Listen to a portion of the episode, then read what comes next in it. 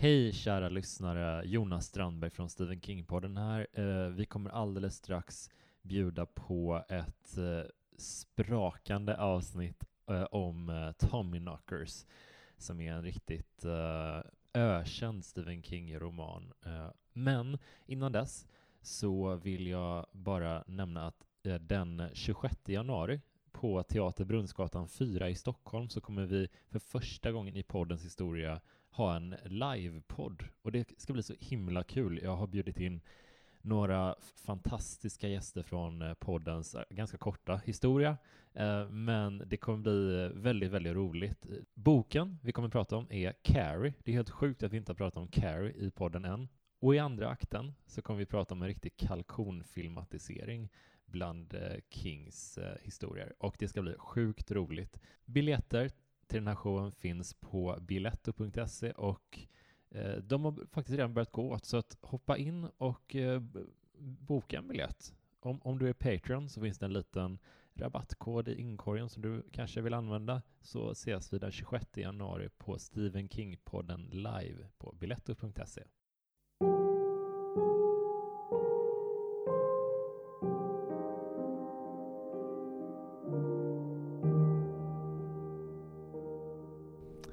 Hej och välkommen till Stephen King-podden med mig Jonas Strandberg där jag varje vecka bjuder in en gäst och så pratar vi om en av Stephen Kings väldigt många berättelser.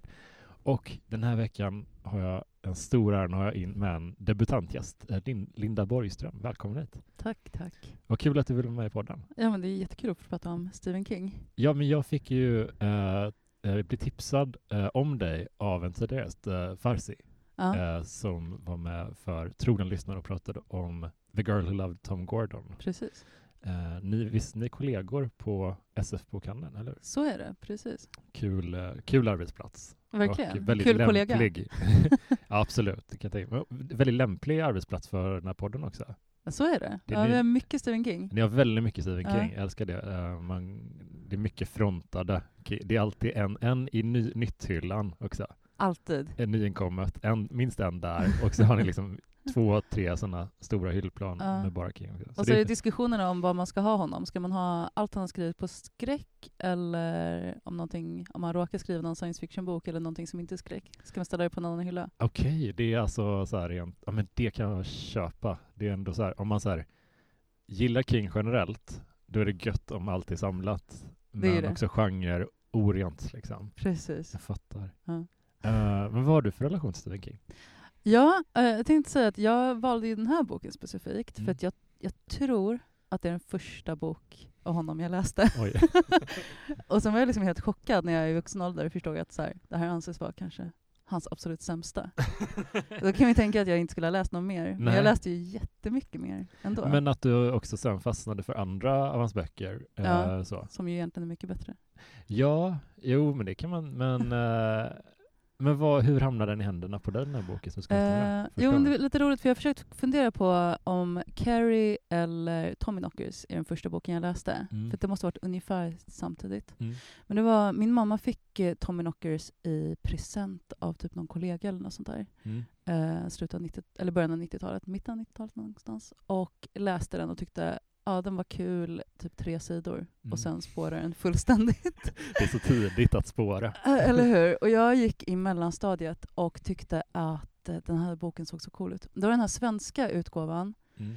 Ehm, och då var liksom det typ det coolaste bokomslag jag hade sett. Jag, tittade, jag kollade upp det nu på internet, Mm. hur den såg ut. Och det är riktigt lökigt. Vad är det den med ögonen?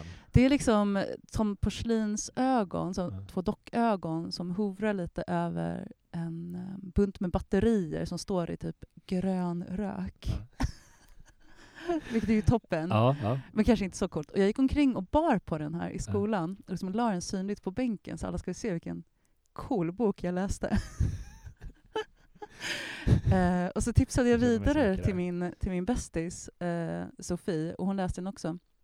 Och hon blev liksom helt kär i eh, en av huvudpersonerna, Gard. Mm. Och nu när jag läste om det här när jag inte är 12 utan är, är vuxen så tänker jag herregud, det är liksom en 12-åring som blir kär i den här oerhört problematiska missbrukaren. Ja, det är, det är väldigt kul att du nämner det. Alltså för jag, jag reagerade väldigt starkt på vilket underligt val av huvudperson. Ja. Ändå, Eller liksom protagonist typ. Vad, vi kan bara, vill du dra liksom, jag vet att plotten är väldigt rör, rörig, men om du vill liksom på ett så inbjudande och enkelt sätt som möjligt förklara plotten av uh, Tommyknockers, eller Knackarna då som Ja, heter i Sverige. Absolut. Ehm, ja, men den börjar ju med att Bobby Anderson, en eh, författare, en av Stephen Kings många författare, uh, hon skriver westernböcker, säljer väl helt okej.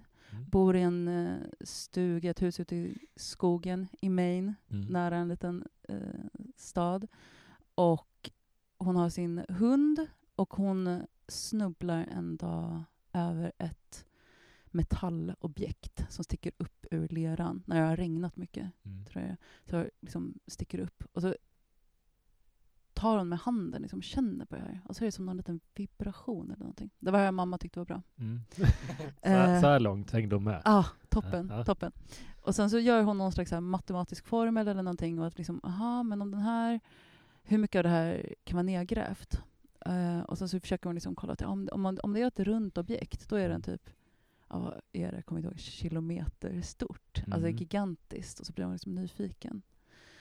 Eh, och sen så börjar hon bli liksom lite besatt av att Mm. gräva upp det här Mm.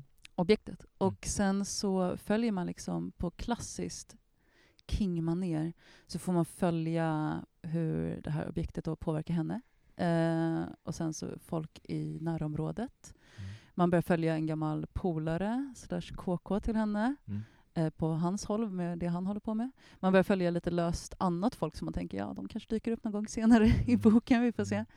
Mm. Eh, så det spretar ut åt typ tusen olika håll. Men sen Mm. så är det som att parallellberättelsen handlar ju...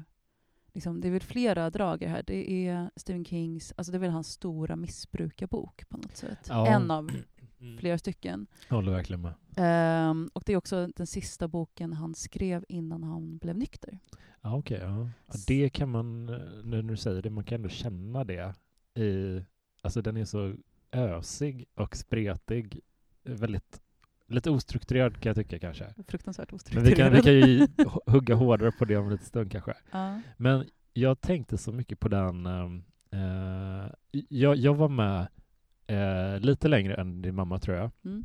men inte jättemycket. Sen började jag känna att jag ändå så här, har, har ganska stort liksom eh, ett väldigt förlåtande öga mot Stephen Kings eh, svagare böcker. Men jag kände lite så här, jag hängde med fram till den punkten tror jag där det kanske är ännu tidigare tänker jag. där de pratar om uh, uh, Roanoke-kolonin. Just det. Det är väldigt tidigt också. Mest med tanke på att vi pratade om just den aspekten i väldigt nyligen i podden när vi snackade om Storm of Century där eh, den, här den här försvunna kolonin då, om man har missat det avsnitt så handlar det om en, en historisk koloni som bara försvann spårlöst med ett ord inristat i en trädstam typ. Och det jag tror jag andra gången som Stephen King, eller kronologiskt första gången kanske som han använder den i en av sina böcker som, alltså att den ens omnämns. För det, det är ett historiskt mysterium som han verkar ha fastnat väldigt mycket för. Så jag tänkte liksom när han tog upp det nu också att okej, det är det här, det här gillar jag ju. Det här är ett mysterium som jag har försökt googla massa teorier kring och sådär. Så då, då, det låter ju spännande. Men sen, jag tror det var när, när den här mycket märkliga eh, alltså typ ondsinta huvudpersonen introduceras.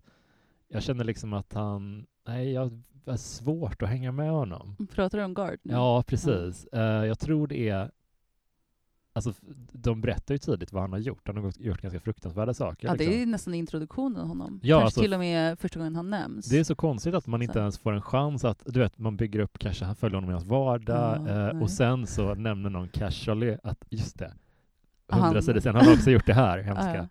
ja. Eh, Nej, nej, det är introduktionen är bara, ja, är här har vi en riktigt våldsam man som sköt sin fru i ansiktet. Ja, nu, eh, häng med på resan.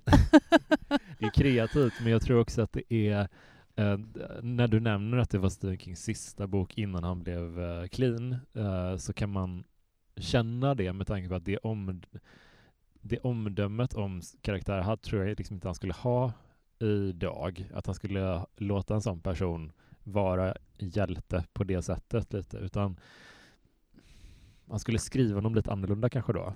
Ja, jag hoppas det. Ja. Men det här känns lite som eh, Stephen King i trotsåldern Ja, för mig. Att han, eh, ska vi prata lite om utgivningen? här boken? Ja. Det är lite roligt. ja berätta. Eh, så han har ju givits ut på eh, ett förlag hela tiden, haft sin agent. Och den agenten bytte förlag. Mm. Och då som en här lojalitetsgrej så tog eh, Stephen King och följde med den agenten med just Knackarna Mm. Till det nya förlaget och gav samma år ut eh, Misery på... Så de böckerna ges ut samtidigt. Och det är ju sjukt i huvudet. Och det är ju två stycken missbrukarböcker. Det är det faktiskt. Det är bara, jag, tänkte, jag reagerar bara på så här, eh, hur komprimerad berättelsen är och vilken, hur engagerande den är och hur fokuserad den är. Eller hur? I, i Misery och, och sen i Knackarna. Men om man tänker på, nu kommer jag inte ihåg vad författaren heter som ligger fast hos Misery, men hon, han blir ju liksom beroende av henne. Mm. Inte liksom bara att hon är hotfull, utan också för att få sin smärtstillande medicin. Mm. Så att det är ju också någon slags parallell till Mm. Kings, eh, Gud alltså den här författaren som är fast i Ja, sitt missbruk och det. ligger där och allting är bara fruktansvärt. Gud vad intressant. Eh, och det är en väldigt tajt berättelse Ja. eh, om just det här bero beroende, är det Mm. väl, mer än missbruk. Och eh, i eh, Knackarna så är det ju liksom den Stephen King som vägrade bli clean. Hans fru försökte ju få honom ren Mm. hur ofta som helst och han bara nej, tänk inte. Jag kan, jag kan ta ansvar för hur mycket jag knarkar. Mm. Jag kan ta ansvar för hur mycket jag dricker. Jag tänker inte bli... Och det ser man ju i huvudpersonen Gard. Ja. Han tänker Mm. inte sluta supa. Ingen får Nej. säga åt honom vad han ska... Nej, men han är ju inte ens en fungerande alkoholist heller liksom. Nej, nej. I den mån den typen finns. Det kan man ju diskutera. Men det, det är inte så, utan han är ju fullständigt, alltså, ja, han har ingen koll på sig Nej, själv. Han, han kan hamna på platser han inte vet hur han har hamnat där. Eh, exempelvis då så finns det en, jag tycker inte det är så spoil för det är så himla tidigt, men det finns en ganska st- stor ytlig koppling till en annan Stephen King-roman, eh, Talismanen, eh, när eh, han, Gardner, han är på den där stranden eh, och eh, i typ, vad heter det, Uh, Arcadia Beach eller vad det heter. Då stöter han på eh, Jack eller Jake från som är huvudpersonen där som nämner någonting om sin mamma typ. Och det, det tyckte jag var så oväntat för det är ofta han namedroppar andra typer av liksom ja men Shining-hotellet nämns ibland, uh, Cujo nämns ibland också här. Men just att han namedroppar talismanen som jag tycker jättemycket om. Eh, det gjorde bara okej, återigen, då var man lite tillbaka igen. När han använde sina, det är som i Marvel lite, om en halvdan Marvel-film kastar in Scarlett Johanssons Black Widow som en liten biroll, då bara okej, det här kanske blir nice. Och sen bara, ah. Ja, det var bara någonting för att lura in Ja, folk. man dopar lite berättelsen på något sätt. Eh, Jag vet inte om det var aktivt, det var ett- det konstigt val eh, kanske, av just talismanen, men kul. Men han nämner väl också sig själv. Mm. Eh, för det här är en otroligt referens, alltså självrefererande bok. om Ska säga. Mm. Att han pratar om den här skräckförfattaren uppe i Maine som skriver så mycket fula ord, som någon slags diss. just det. Och jag tror att det här är liksom en, en period i hans liv där han var ganska bitter över att han inte fick bättre recensioner. Okej. Han har kommit med lite sådana kommentarer som är ganska roliga. Vad var speciellt ändå att han har haft en sån period? Han Jag, jag, känns väldigt arg hela boken igenom. alltså, jag, jag, det kanske är för att jag upptäckte King så mycket senare än vad du gjorde, men jag, jag lär alltid tänka på honom som en väldigt okej, fuck det här, lite som så här Ulf Lundell kanske som trycker en jätteelak recension på pocketutgåvan av Jack eller vad fan det var liksom. Eh, Men han verkar ju ha haft riktiga problem med kritikernas liksom, omdömen. Men jag tror bitvis, men Ja. att det kanske... Sen han verkar väl ta det ganska roligt. Jag vet inte om ni har nämnt det citatet innan, men i podden. eh, Det är så klassiskt att han, han... Det var någon som frågade honom om varför han får så mycket bättre recensioner nu för tiden Mm. eh, och hur det känns. Och då så log han och så sa han att alla som inte gillade mina böcker är döda nu.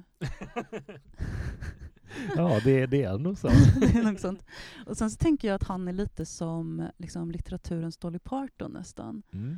Att eh, man liksom hänger kvar och gör sin grej så länge Mm. Så blir man till slut folkkär. Även om man liksom inte var fin fint. kultur från början. Ja, det Alltså är man bara fint. konsekvent och kör på och är genuin, och det är en integritet i det. Han Ja. tänker liksom inte göra något annat för att få Nej. dåliga recensioner. Men- Men... Jag känner själv att han är lite svår att ringa in, för att han har ju, ja men som den här boken, Mm. det, han skriver ju Men alltså, även den har ju många bra kvaliteter. Jag hatade Ja. det inte nu när jag läste om den. Nej, nej. Eh, det finns ju spår av det man gillar även i, när han är dålig. Alltså hans Ja. lägsta nivå är fortfarande intressant, Ja. skulle jag säga. Ja, men jag håller med. Jag tycker det är eh, spännande att läsa. För jag liksom har försökt lite. Det är faktiskt den här podden som jag har börjat läsa mycket mer eh, sen jag började. Först var det bara för att ja, men det, det, man måste ju ha boken färskt i minnet typ.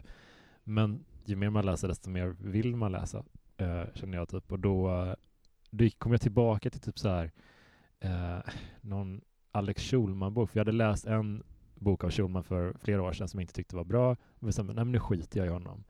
Eh, och så hoppar jag tillbaka till honom nu igen. Bara, ja, men kö- köper hans senaste och bestämmer mig för att läsa den. Eh, nu tyckte jag inte den var bra heller. Men jag hade ändå liksom den energin att ta tag i det. För att ofta tidigare har jag upplevt att, eh, inte bara jag, många ger upp på en författare efter en dålig bok och att man låter det vara så. Man är inte öppen för att den kanske har skrivit något annat fantastiskt som, som man kommer tycka mer om.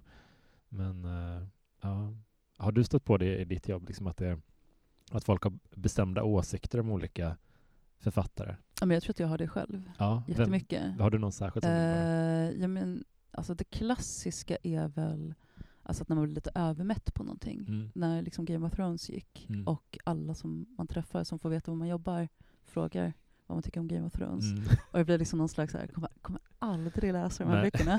Någonsin. Nej, jag fattar. Um, alltså verkligen ge upp innan man ens har gett ett försök. Mm. Ehm, men sen så absolut, det är jag alltid rädd för när jag rekommenderar böcker. Jag var och reste med min kompis nu i våras och då råkade jag rekommendera, jag pratade om att jag håller på att läsa Stephen King igen Mm. och hade liksom återupptäckt honom lite grann i vuxen ålder.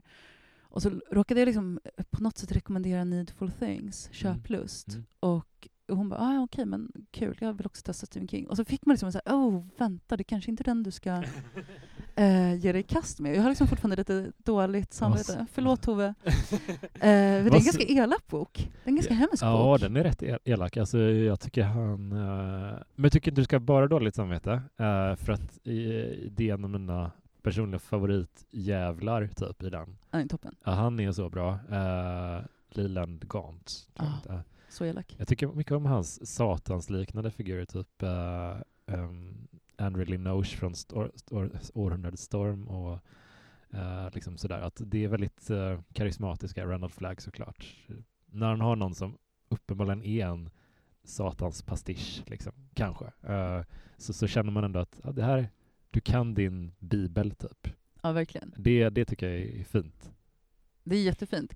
Eh, ja, men, så, jag, jag får verkligen här att, ah, men ge inte upp. Om du gillar den första Stephen King, Mm. Den andra eller den tredje, för han skriver så olika. Alltså, han Ja. har ju sin röst hela tiden, men han skriver så otroligt olika genrer. Han skriver så otroligt, otroligt olika typer av böcker. Mm. Och han har ju fått någon slags... Det känns som att folk som inte har läst honom har en väldigt tydlig bild av vad han skriver. Den Mm. stämmer ju inte riktigt. Nej, jag håller med. Jag tycker särskilt eh, att jag blev lite överraskad av uh, Joyland, tror jag det var. Eh, han skrev tre sådana hard case crime uh, pocketböcker. Uh, och Joyland är liksom väldigt lågmäld. Det handlar om en ung kille som börjar jobba på ett uh, lite deppigt nöjesfält i någon sån här riktig låg, underbefolkad ort. Uh, och det finns även en skröna om att det är en kvinna som blivit mördad i spökhuset där. Och det, men det är en ytterst, eller väldigt mycket av en bakgrundsberättelse, hela det här mordmysteriet. Det, det handlar mest om han, den här killen, och hur han ska komma över tjejen som han blir dumpad av och, och om man kanske ska börja träffa någon ny. Alltså det är mycket eh, relationsdrama typ. Men det har han väl alltid? Det har han även i Tommyknockers och i Needful Ja. Things. Alltså man får liksom träffa... Alltså det är nästan som de här stora tv-serierna eller de här stora familjekrönikorna. Man får liksom lära känna en hel liten stad. Mm. Mm. Eh, alla svagheter och hemliga drömmar och, och sådär. Och i Tommyknockers så är det ju det här med... mm, Ska vi gå in lite mer på handlingen? Det kan vi göra. Eh, att eh, den här gasen, de säger väl att de tror att det är en gas som släpps ut på något Just det, sätt. Det är just lite det. oklart. Ehm, den börjar påverka folk. Ju Mm. närmare man är själva den här farkosten som ligger nedgrävd, desto mer påverkad blir man. Och eh, liksom det första som händer är att man får liksom mani och sen så börjar saker läcka ur kroppen. Mm. Det här tror jag att jag Mm. tyckte var otroligt fascinerande när jag var typ 12. Mm. Att eh, både i Carrie och i eh, Tommy Knockers så är det ju liksom mens Mm. som skräck. Mm. Alltså hon Bobby börjar bara, alltså hon börjar tokblöda. Mm. Och liksom, han pratar om så maxipads, så trippla bindor i trosan Mm. och liksom läcker ändå. Mm. Och som tolvåring och behöva konfronteras med det här, jag bara gud, här har vi liksom en vuxen man som förstår precis Ja. hur jobbigt det är. Det, det, det känns ju så, man kan föreställa mig föreställa sig hur någon har eh, berättat för Stephen King om mens för första gången Och han och han fick panikångest typ. Eh, det, och det har satt sig. Ja, men du, du har verkligen, jag håller verkligen med dig. Det, det känns eh, otroligt, uh, alltså, ja men jag vet inte. Det, det är en så, så vardaglig grej som man får låta så fruktansvärt obehaglig och eh, ja, det, Ja, det finns någon så här fysisk skräck i det. Och sen så Mm. börjar det liksom blöda ur tandkött, näsor, öron, Mm. tårkanaler, Mm. eh, ur, ur stjärten. Liksom, Allting börjar bara läcka och osa. Men just den första, Mm. bara få som monstermensen och bara behöva deala med den. Bara, Ja. ja. nu har jag blött så här, två veckor i sträck. Det är så jävla det här känns inte så bra. eh, och sen så börjar liksom folk bli så himla smarta. Mm. Men de blir smarta på det här sättet som, alltså lite så här Rain Man-sättet. Mm. Eh, att man blir superbra på tekniska lösningar. Mm. Men man blir liksom inte så bra på någonting annat. Nej, just det. Eh, man blir liksom inte en så här superempatisk, härlig person eh, som blir socialt kompetent också, utan det är verkligen Det känns som att det sker på bekostnad av det, att det sållas bort. precis, man blir väldigt inriktad på Mm. tekniska lösningar. Och det här känns ju som, eh, alltså Gard har ju också sina små rants, sina enorma rants om eh, kärnkraftverk och Just liksom det, energi. Och jag tror att det är de här Han är en konspirationsteoretiker av Ja. rang, verkligen. det här är ju verkligen liksom kalla kriget och liksom start, alltså efter 70-talet, men, men liksom miljö... Visst har han teorier om Kennedy-mordet också? Ja, det är så mycket. De kan aldrig välja en, de Nej, ska nej, alltid det är ha allt. alla. Det är allt. Och det, det finns ju liksom teknofob-king här, väldigt Mm. inbakat i det här. För man märker att nu, han är ju på en rant, så då kan man väl ha så sju kapitel på raken om hur dåligt det är med eh, kärnkraft. Mm. Ehm, och samtidigt som de här människorna blir liksom lite mer zombielika och börjar då ja, de blir som onda ingenjörer. Det är liksom Mm.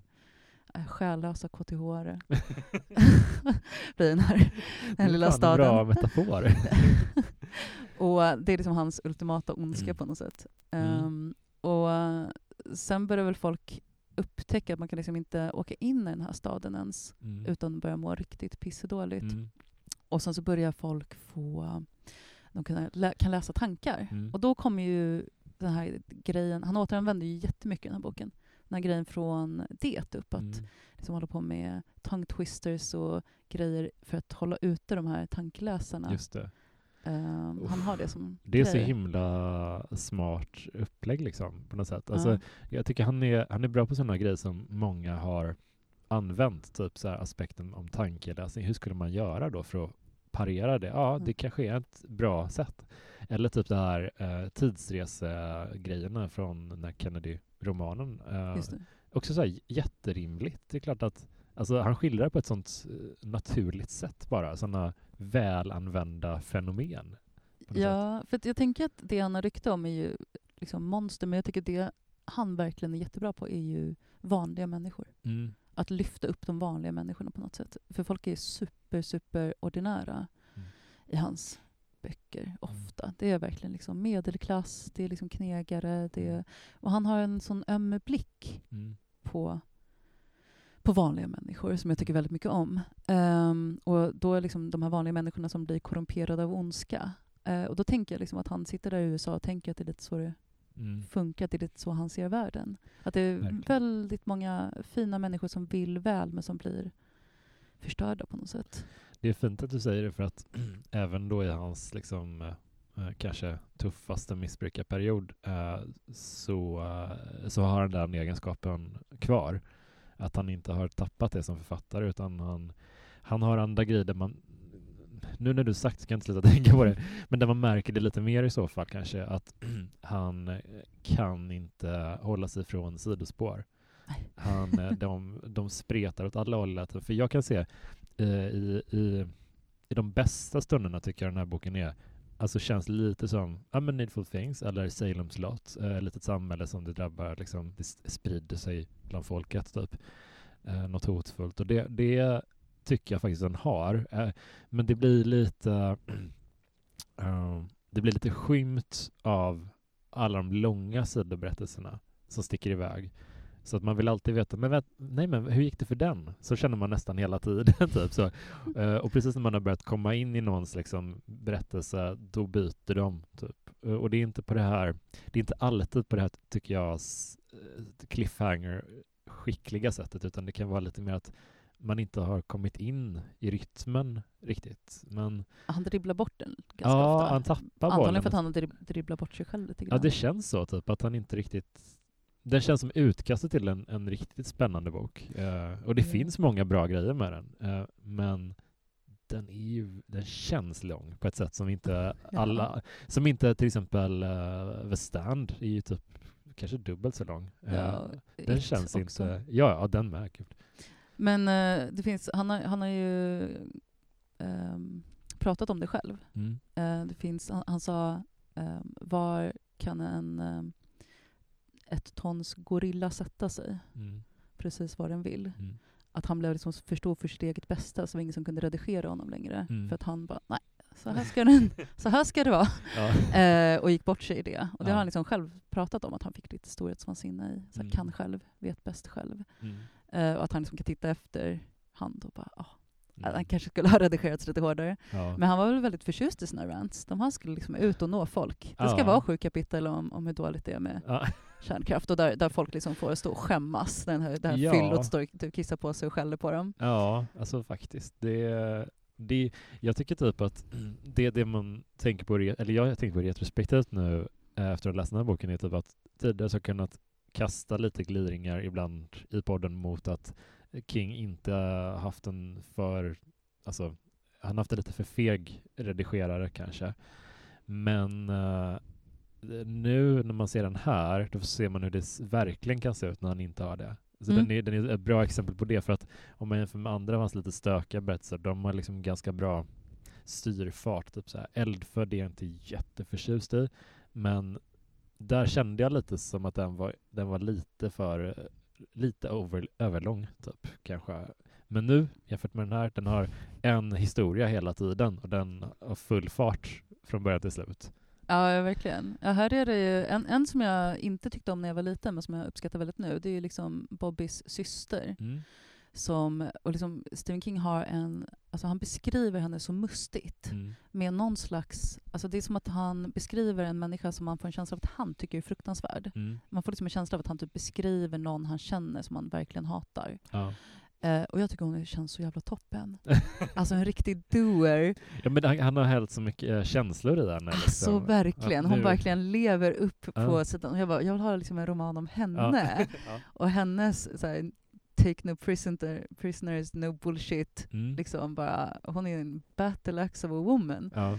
Ehm, och när jag var liten så tror jag att jag var mer inne på hans spår. Bara, Åh nej, här kommer det en beskäftig kärring. Mm. Liksom.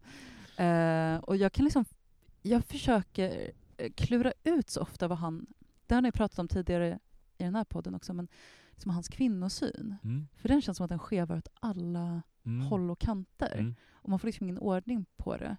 Eh, Nej, liksom, men- för att det finns någon slags här kvinnohat i en del saker. Ja, det, ja, men det kan jag också känna. Alltså, samtidigt som man har till exempel i uh, Dolores Claiborne. eh, Fantastisk. Att, ja, det är ju så här, hur... Jättemånga böcker så Ja, känns som att han ja, är på kvinnans sida. Ja, Eh, verkligen. han är alltid på den utsatta kvinnans sida. Mm. Det känner jag. Mm. Alltid på den utsatta kvinnans sida.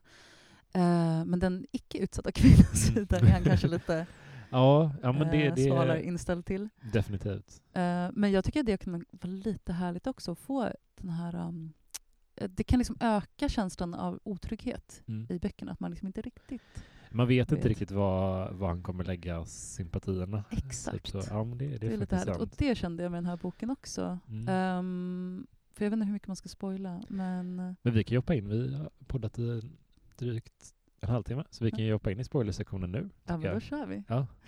Ja, men för det här, hela boken börjar man ju fatta någonstans, eh, det kommer ju smygande, men det är ju bara en, liksom en vansinnesfärd mot undergången. Mm. Eh, det är liksom, folk blir så här genomskinliga, tappat alla tänder och får tentakler ur könen. Mm. De kommer ju inte kunna återställas. Alltså man börjar ju liksom fatta att så här, och Mm. Garth bara fortsätter så här, supa ner sig mer och mer för att kunna hantera hur vidrigt allting är. Ja. Och eh, allting är liksom på något sätt ganska nattsvart. Det är ju de här alienserna, eller vad det är. Mm. Ja, men aliens får man väl ändå säga att det är uttalat att det är. De har liksom inte ens någon riktig agenda, typ. Nej, man förstår inte vad de vill. De är eh, typ inte ens ett samhälle. De är typ som en, en närvaro bara, lite Ja. på något sätt. Jag, jag tycker det känns lite, eh, lite som en mer så spirituell version av de här uh, xenomorferna i, i Alien-filmerna.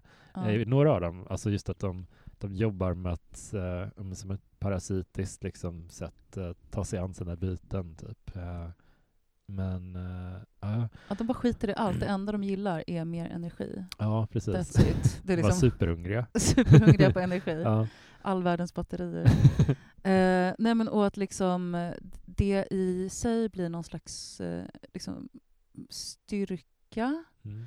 Att, att Garth liksom supervapen mot de här är att han inte bryr sig om hur det går för honom själv. Mm. Han är liksom, vet att han är fucked ändå, typ. Mm. Så han kan lika gärna ta dem med sig på vägen ut. Det, det, det får mig att tänka typ på, eh, man har haft kompisar och säkert resonerat på det sättet själv många gånger, när man har ja, men en, en period i livet som inte är helt hälsosam, eh, att man då letar de positiva delarna med det för att rättfärdiga att man ska fortsätta. Ja, men till exempel, ja, men jag, jag pallar inte söka något jobb, ja, men, men jag har ändå ganska, jag gillar ändå bara att spela tv-spel hela dagarna, eller liksom jag dricker lite för mycket, men Ja, men jag kan ju sköta, alltså man rättfärdigar sitt absolut. beteende hela tiden och så känner jag lite att King gör själv här. När han plockar den här personen, det här är hjälten nu, kolla han klarar ju det.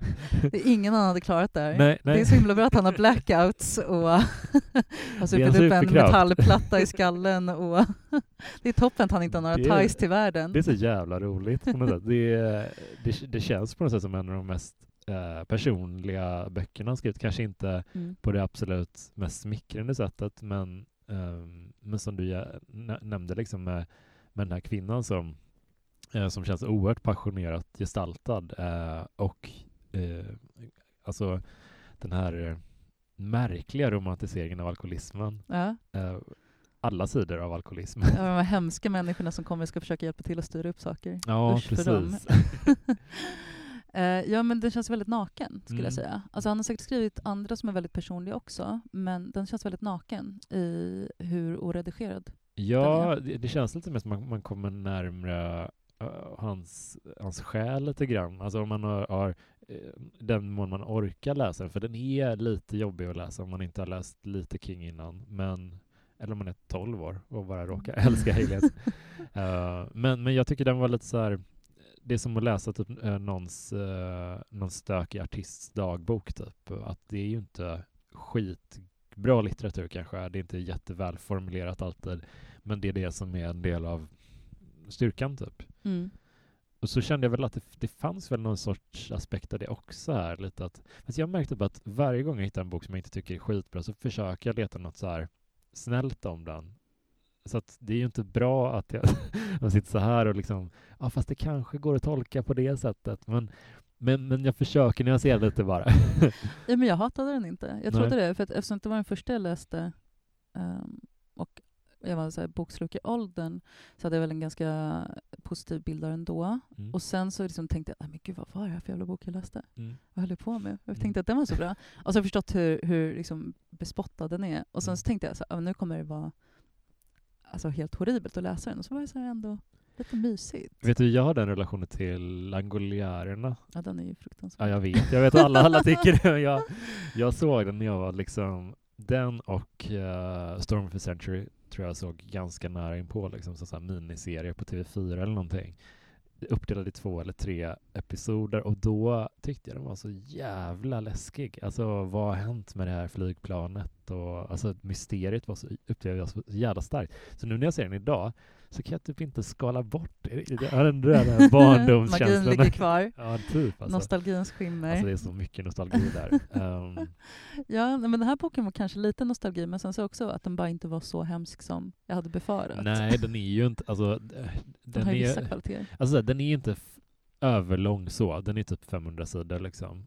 Alltså det är mest att den är onödigt lång. Ja, För vad den- för storyn liksom. Så Ja. den är inte... Det, den är liksom, den hade kunnat trimmas och det hade kunnat, man, kunnat, man hade kunnat få en mer städad berättelse. Men jag tror typ att vi har fått det. Eh, jag, jag får så många eh, flashbacks eller så här, till andra av hans böcker när jag läser den här.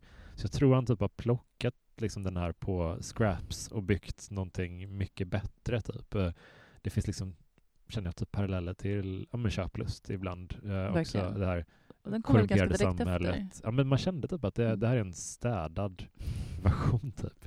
På ett positivt sätt. Men jag vet inte, det är samma med uh, The Institute. eh, älskar, tycker inte lika mycket om Firestarter. Det finns jättemycket paralleller mellan dem. Ehm, så jag tror han är ganska bra på att, nej men okej, fan nu, jag använder det här, men jag gör det på, med de hantverk jag har idag. Typ. Och För han har ju några sådana här tropes som han återanvänder. Och sen så som jag sa, att, eh, för vad heter de här? The, The Shop. The Shop, den dyker ju upp i det. och liksom städar upp när de har sprängt skeppet och liksom ska åka ut där. Fan vad de alltid kommer alltid fuckat. Eller hur? Då bara, jaha nu tar vi oss in och städar upp så att ingen får se Alltså- de här äh, vaginatentaklerna. Men, men tror du att de, jag har inte riktigt kronologin i huvudet, men utspelar sig den här efter Firestarter eller innan? Alltså, Uh, jag skulle säga att den är efter Firestarter. ja, det känns Det som att de är lite så här scrambla liksom efter, de vet inte riktigt vad de ska ha. Alltså, de är ju typ en så här X-Files organisation, men de är också sjukt inkompetenta, underbemannade känns det ibland. Ja, för det gillade jag i The Institute, att de, så att man får en känsla av att det här är vanliga människor. Ja, Återigen, Ja. Stephen King och den vanliga människan. så jävla bra. Men sen så har jag någon, alltså för de nämner ju Cujo, de nämner eh, jättemånga andra böcker. Mm. Och sen så har han ju också att, som det första, en av de första grejerna som Bobby Anderson uppfinner är ju en självskrivande, eller hon skriver automatiskt böcker när hon sover. Mm. Som att så här, och det har ju Stephen King pratat om under den här perioden, att han eh, inte kommer ihåg att han har skrev Cujo bland annat. Mm. Att det måste nästan ha känts som att hans kropp Ja. automatskriver böcker åt honom. Ja. Eh, och det dyker väl upp i flera böcker, eller hur? Jag Att tror det. Jag känner liksom igen jättemycket. Visst är Pennywise med en, alltså någon liten sån Ja, han är med i någon där? stormdrain där. Ja. Eh, de går förbi, nej, och de pratar om Derry och... Just det. Ja, nej, jag tror att det här är en av de böcker som har flest. Ja, den wings det till är helt annat. sjukt med Han har med inte referenser. dödat några darlings i den här. Allting ska med. Det här känns som det stora. Det, det är lite, lite konstigt och otippat att Tommy Knocker skulle vara det stora navet i Stephen Kings multiuniversum. Verkligen. Men ja, jag kollade upp det här. Jag, kan, jag har bara kollat på en källa, så någon, jag kan ha fel. Men jag tror att det här var 80-talets tredje bästsäljande bok. Oj! Och jag har en teori om att folks bild av Stephen King Mm. baseras jättemycket på den här boken. Mm. Om det liksom är, Den är så spridd. om den är så spridd. Och man bara vill liksom Jag är lite snälla- stressad. Eller hur? Det här är typ hans bästsäljare. herregud vad sjukt. För han var liksom så på, peak popularitet på något sätt. Ja Då. men efter Misery, efter ja, då hade han väl släppt det, han Ja. väl släppt... den tredje Dark Tower kom väl ganska nära tror jag också. Nu när jag bara Ja, jag, jag får liksom så här, jag har läst den här bibliografin så många gånger så ibland så kommer det små flashar i ordningen typ så här, ja, men jag tror det var Wastelands kanske. Ja, han, hade, han var en bra period i alla fall, liksom kreativt. Det var Ja. många bra liksom, Men efter det här så skrev han ju inte på några år. nej. Så det är liksom de enda åren som det inte har kommit ut någon Stephen King-roman är när han Ett blev... fullständigt normalt fenomen för alla andra författare. Exakt. Eh, nej, men det var året efter den här kom ut. För att uh, då hade han skrivkramp i två år medan han nyktrade till. Mm. Kunde inte skriva någonting tydligen. Liksom enda skrivkrampen han har drabbats av någonsin. Alltså han som ändå typ, eh, han kommer ju typ säkert skylla på att äh, det var bara abstinensbesvären som gjorde att jag inte... han hat, alltså det känns som att han hatar det fenomenet så mycket att han liksom, ja jag vet inte. Verkligen. Men sen så, om man liksom tittar lite på den här boken, så den är ju väldigt inspirerad av Lovecraft. Det är någon specifik Lovecraft-berättelse som jag inte kommer ihåg vilken Ja, det är just den nu. eh, Color Out of Space som fick en Nicolas Cage-filmatisering. Så kan det vara. Och sen så Quartermass och det är något Twilight Zone-avsnitt också. Och jag undrar om liksom han skriver... Jag vet inte om du tänkte på det, men att han liksom kanske har skrivit den lite i Lovecrafts anda också. Ja, men jag tänkte typ det också. Han, han har eh, inspirerats väldigt mycket av Ja, men Color of the Space kan jag se. Jag tänkte inte direkt på den när jag läste den, men, men, men eh, jag tror han tycker väldigt mycket om Lovecraft och, Lovecraft. och väldigt bra på liksom att inspirera, att liksom plocka in hans, eh, det var någon, var det Revival tror jag, där han plockar in någon fiktiv så här ockult bok från Lovecrafts värld också och bygger mycket på hans monster och hans andevärld och sådär. Eh, det är kul. Eh, det, det är liksom lite som att han har, de, han har det verktyget, han har eh, bibliska mytologin, han har Ja, men det, är väl, de, det är typ de mest använda källorna upplever jag liksom, till hans, hans demoner och monster. Typ att det ofta är... Folksagor också. Ja, ja men det också såklart. Uh, det är kul att man tänker att uh, Lovecraft, liksom så här Cthulhu-böcker, alltså det och Bibeln står liksom så tätt i hans huvud liksom. Ja, men jag har någon bild av att han väldigt ofta, han är en sån här författare som ofta har inleder sin bok med något citat från någon annan bok. Mm. Och det känns som att ett tag så var det mycket så här Mother Goose fairy tales, alltså liksom godnattsagor för barn. Mm. Mm. Och då tänker man liksom att så Stephen King, tio år, läser godnattsagor och liksom Ja. broderar ut samtidigt som man parallellt läser Lovecraft Ja, och får ihop de här två världarna. ihop. Eller hur? Och bara tada! det märker man utan att spoila allt för mycket så kan man verkligen märka den fusionen i uh, Fairytale, hans senaste roman. Så? Där finns det mycket av hans kärlek till båda de två uh, berättartraditionerna. Det är fint. Eh, och det känns så... det känns som att han, sagorna blir lite så här förgiftade på ett härligt sätt när han rör dem. Han lite så förvridna. Ja, Det fanns ett program när jag var liten som hette Sagor för vuxna, jag tror det hette, på svenska i alla fall, som var just Mm. förvridna sagor. mm. Det känns som att han absolut eh, har den blicken på, verkligen. på liksom andra berättelser. Ja, men att han ser en saga liksom, alltså, på samma sätt som han kan liksom höra om mens för första gången och få riktigt så här, bli så stressad över hur fruktansvärt det är, så kan han liksom höra liksom en saga som på ytan kanske är, ja ja, det, det var det liksom. Så bara, men vad- fan, hur kan det vara så här? Rumpelstiltskin, skämtar ni med Ja. mig? Vad är det för monster? men eh, nej, men det, det tycker jag är fint. Det, jag har tagit upp det tidigare lite på den tror jag, men att, att det, det är fint med författare som får en att vilja läsa vidare, eh, kolla upp saker och, och djupdyka lite i, i andra, i andra eh, liksom jag tyckte typ liksom precis efter Fairytale så började jag läsa rätt mycket, jag läste typ de tre första Narnia-böckerna, de är väldigt komprimerade, väldigt tajta och så, men det var liksom, jag tycker så mycket om den, det sättet han skildrar att färdas från en värld till en annan, det är ofta, det är inte så överkomplicerat. Som i eh, 112263, Kennedy, bor- det, det är liksom att han går in i en, ett, ett skafferi typ. Ja, precis. Och så kommer han ut på 50-talet. Så det finns ingen maskin Man där. behöver inte förklara så Det är en mycket mer. reva i tiden som råkar vara där bara. Det är någon slags tänk dimensionsportal i Ja, garderoben. men det, han gör det på ett så, eh, alltså nästan löjligt enkelt sätt. Så, som man bara, ja men det är klart, ska vi börja som varför? Det, det är inte, det är klart att det, kan, det kanske var är där. Ja, han Det- bryr sig väl om det som spelar roll. Ja, och sen så är han så bra i den och i um,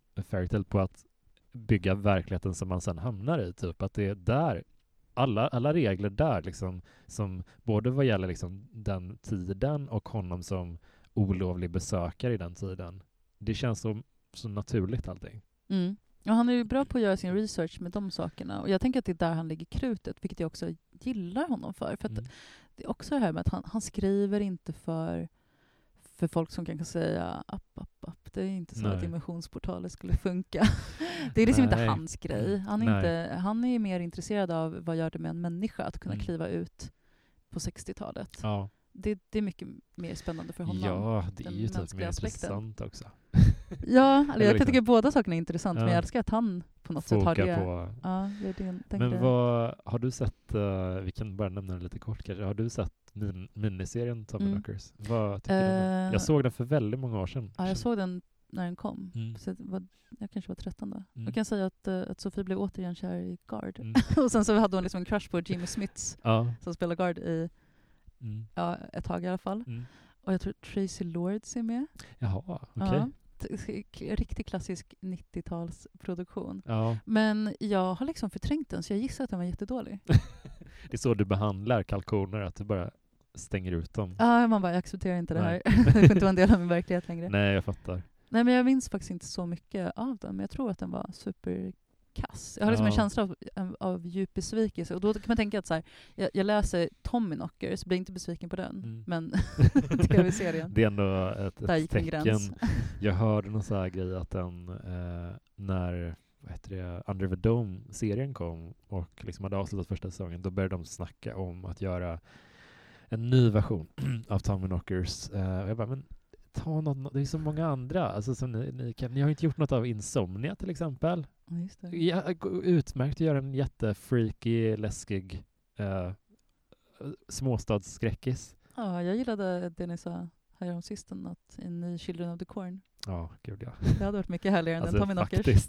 Men jag tror att Tommy Knockers har väl hamnat på i någon slags development hell nu, Ja. det som. Jag tror inte det kommer gå att göra någonting Det vettigt är av så den. svår, det är så orättvist på något sätt att, alltså så här, nu låter det som att jag hatar den mer än jag gör, men det, det är så orättvist att, att den kanske får två filmatiseringar och Dark Tower har fått ja, den den har fått. Liksom. Det, Men så- eh, kan det inte vara så att grundpremissen, precis som min kära mor sa, att trilla över någonting i skogen och uppfatta hur stort det är Mm. när det ligger nedgrävt, inte det är en ganska bra... det är skitbra premiss. Om de tänk- utgår från det. Det fanns ju en serie, jag kommer inte om du har sett den, men den, jag tror inte att jättemånga har ett starka minne av den, men den hette typ Evolution kanske, som utspelar sig i ett mindre samhälle i Florida, kanske nära träskmarkerna.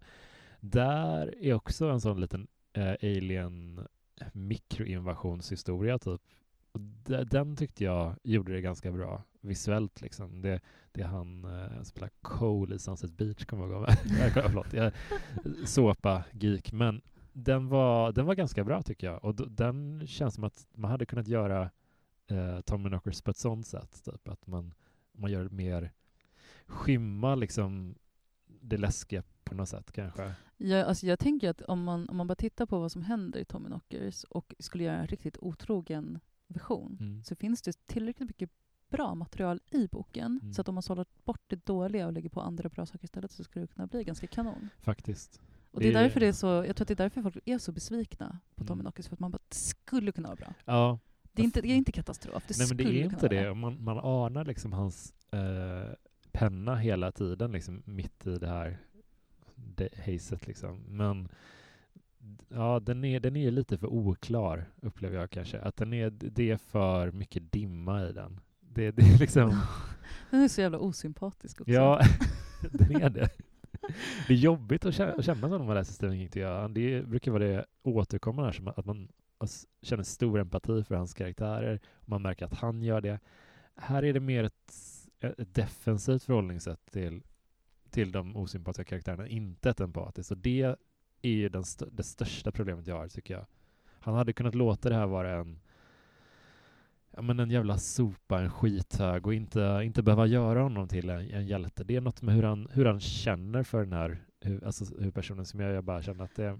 Men han gör ju lite liknande saker i djurkyrkogården. Hur känner du inför det? Ja, Det är också en ganska ja det har har du verkligen rätt i. Alltså, eh, det, vi, när vi läste den så tror jag att, som jag minns det, att vi, vi tyckte det var ganska spännande att det var just en så osympatisk huvudperson. Fast på liksom ett, eh, ett lite mer eh, familje, familjeperspektiv, liksom, att det är på en mikronivå typ. Att det mest är när han, Louis Creed, när han är hemma eh, med sina kära som han är ett rövhål.